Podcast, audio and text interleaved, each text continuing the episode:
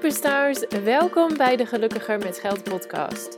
De podcast waarin ik heel graag met je deel welke stappen je kunt nemen om je geld zo te managen en in te zetten dat je nog meer vrijheid en geluk kunt creëren.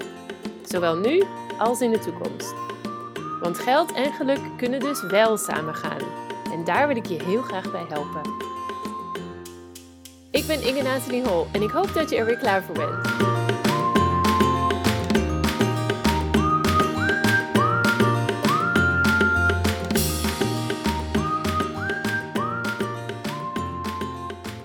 Ja, je bent er weer. Leuk dat je weer luistert naar een nieuwe aflevering van de Gelukkiger met Geld podcast. Aflevering 47. En ik uh, heb door mijn verschillende voorgaande afleveringen gescrollt en ik kwam erachter dat ik nog geen specifieke ehm, aflevering over je spaarpercentage heb gemaakt eerder.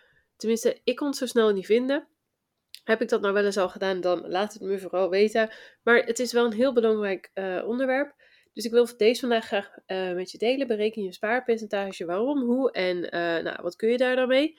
Dus hij is vandaag wat praktischer. Hij zal ook iets korter zijn, denk ik. Maar dat weet jij tegen de tijd als je luistert al lang. Want dan heb je al lang gezien hoeveel minuten er op de aflevering staan. En dan weet ik nu nog niet, want ik moet hem nog opnemen. Maar uh, daar wil ik het dus vandaag over hebben. Dus je spaarpercentage en uh, ja, het proces van dat berekenen. Nou, Waarom wil je nou je spaarpercentage weten en wat, wat, uh, wat heb je daar eigenlijk aan? Stel je nou eens voor dat jij, um, wat zeggen we, 2000 euro netto per maand aan salaris krijgt van je eigen onderneming. Dus je betaalt jezelf 2000 euro per maand uit uh, netto, yes?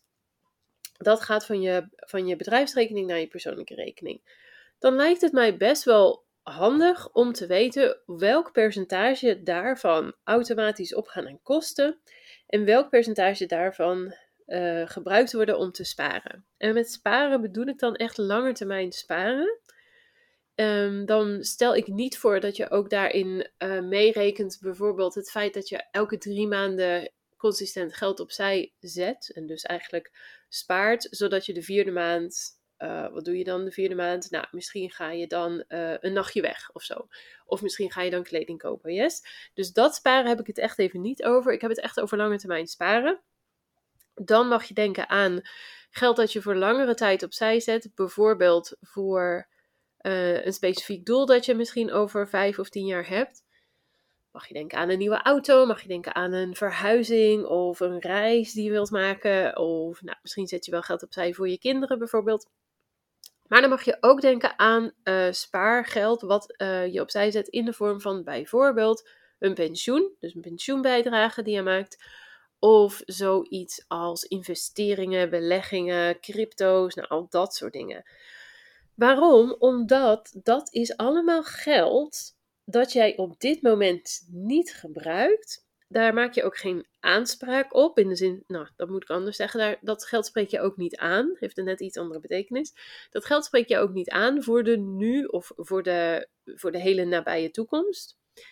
En dat betekent dus ook dat je op dit moment prima van uh, of zonder dat geld kunt leven. Yes? Dus zeg even, we gaan terug naar mijn voorbeeld. Je brengt 2000, of je krijgt 2000 euro netto in salaris elke maand dat jij jezelf uitbetaalt. En in totaal met al die verschillende dingen, dus sparen, beleggen, pensioen, nou, wat je dan nog maar mogelijk nog meer doet. Uh, extra aflossingen op je hypotheek kun je ook bij voorstellen, want dat is natuurlijk bovenop je normale aflossingen. Dus dat is een extra spaar uh, investering die je doet, omdat je natuurlijk ontzettend veel rente daarmee mogelijk kunt besparen. Um, in zijn totaliteit spaar jij op die manier, nou laten we even zeggen 400 euro in de maand. Yes? Dus van die 2000 euro gaat 400 euro direct naar spaardoelen of spaaracties. 1600 euro gebruik jij om uit te geven. Dus die gaan op aan je kosten, zowel je vaste lasten als ook inderdaad waarschijnlijk je gezellige lasten, zoals bijvoorbeeld een vakantie of uh, uit eten of uh, een dagje naar de poef, naar de bioscoop bijvoorbeeld. Yes? Best handig als je dat weet, toch? Dat jij van die 2000 euro eigenlijk maar 1600 euro nodig hebt. Dus hiermee heb ik al meteen um, sowieso uitgelegd hoe je nou je spaarinkomen kunt berekenen. Dus bereken even je totale netto-inkomsten en neem dan de hoeveelheid spaar uh, geld wat je elke maand opzij zet en deel dat dan door jouw totale netto-inkomsten. Dan heb je dus een spaarpercentage. In mijn geval van het opzij zetten van 400 euro op, uh, wat zei ik, 2000 uh, euro, ja dat klopt, dat is dus 20%. Yes, dan in dat geval spaar je dus 20%. Best een leuk percentage hoor, daar mag je heel trots op zijn als je 20% haalt. Nou, maar wat kun je hier nou precies mee? Sowieso is het handig om te weten hoeveel geld jij, of welk percentage je uitgeeft en welk percentage je spaart. Dan mag je ook nog eens nadenken dat um, hoe, hoe hoger je percentage, hoe langer jij kunt doen met noodpotjes. Dat ga ik even uitleggen. Stel je eens even voor dat jij hebt bedacht: ik ga een uh, buffer aanleggen of een noodpotje aanleggen waarin ik drie maanden van mijn kosten bij elkaar spaar. Yes? Dus laten we even teruggaan naar het vorige voorbeeld. Je hebt 2000 euro wat je binnenbrengt, waarvan er 1600 euro naar kosten gaan. Nou, dan is één maand kosten zijn 1600 euro. Drie maanden is dan 4800 euro. Dus wil jij een buffertje aanleggen van drie maanden, dan heb je daar een totaal van 4800 euro voor nodig. Hopelijk volgen we die nog, yes? Stel nou echter Oh nee, laten we nog even teruggaan naar mijn vorige uh, voorbeeld. Uh, eh, 4800. En uh, stel nou even dat we zeggen dat um, die 400 euro die je opzij legt om te sparen, dat we het even versimpelen en dat we zeggen die 400 euro gaat compleet naar het buffer. Dus we leggen even niet in in ons pensioen of in beleggingen of wat dan ook. Dus we zetten elke maand 400 euro opzij en dat is echt om dat noodpotje op te bouwen. Hoe lang doe je er dan over om die 4800 die je nodig hebt om drie voor drie maanden bij elkaar te sparen? Dat doe je dan 12 maanden over. Op het moment dat jij jouw uh, spaarpercentage kunt verhogen van 20% naar 25%, betekent dat dus dat jij van de 2000 euro die jij uh, als salaris krijgt, dat je niet 400, maar 500 euro opzij zet. Elke maand. Je hebt in dat geval maar uh, eh, 1500 euro per maand nodig voor je lasten. Ga je dan drie maanden bij elkaar sparen voor dat noodpotje, dan is dat maar tussen aanhalingstekens 4.500 euro wat je nodig hebt om bij elkaar te sparen. Om drie maanden lang jouw uitgaven um, ja, bij elkaar gespaard te hebben in, dus je hebt minder geld nodig dan in mijn vorige voorbeeld. Want daar was het nog 4800. Yes? Bovendien zet jij niet 400 eh, euro per maand opzij, maar 500 euro. En dat betekent dus dat jij niet na 12 maanden, maar na slechts 9 maanden al jouw buffertje bij elkaar hebt gespaard. Dus op die manier kun je direct zien dat hoe hoger jouw spaarpercentage, hoe meer jij um, niet alleen spaart, hoe sneller je ook spaart, hoe minder je ook überhaupt nodig hebt. Nou, wat kun je nou precies mee? Zodra je je spaarpercentage berekend hebt, mag je bij jezelf nagaan: wat zou het nou betekenen als ik mijn spaarpercentage met een half procent wil verhogen? Hoeveel zou dat zijn? En wat moet ik daarvoor doen of laten om dat ook te bereiken?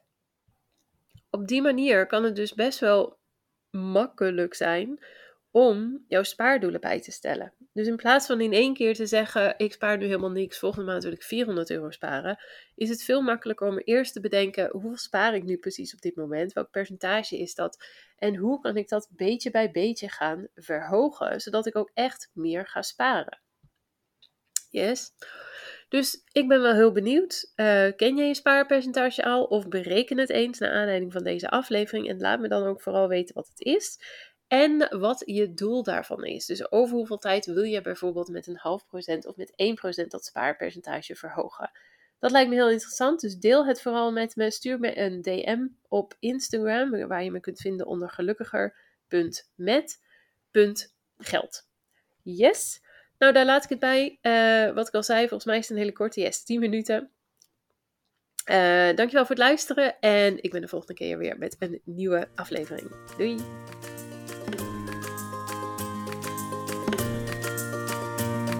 Dankjewel weer voor het luisteren naar deze aflevering van de Gelukkiger met Geld podcast.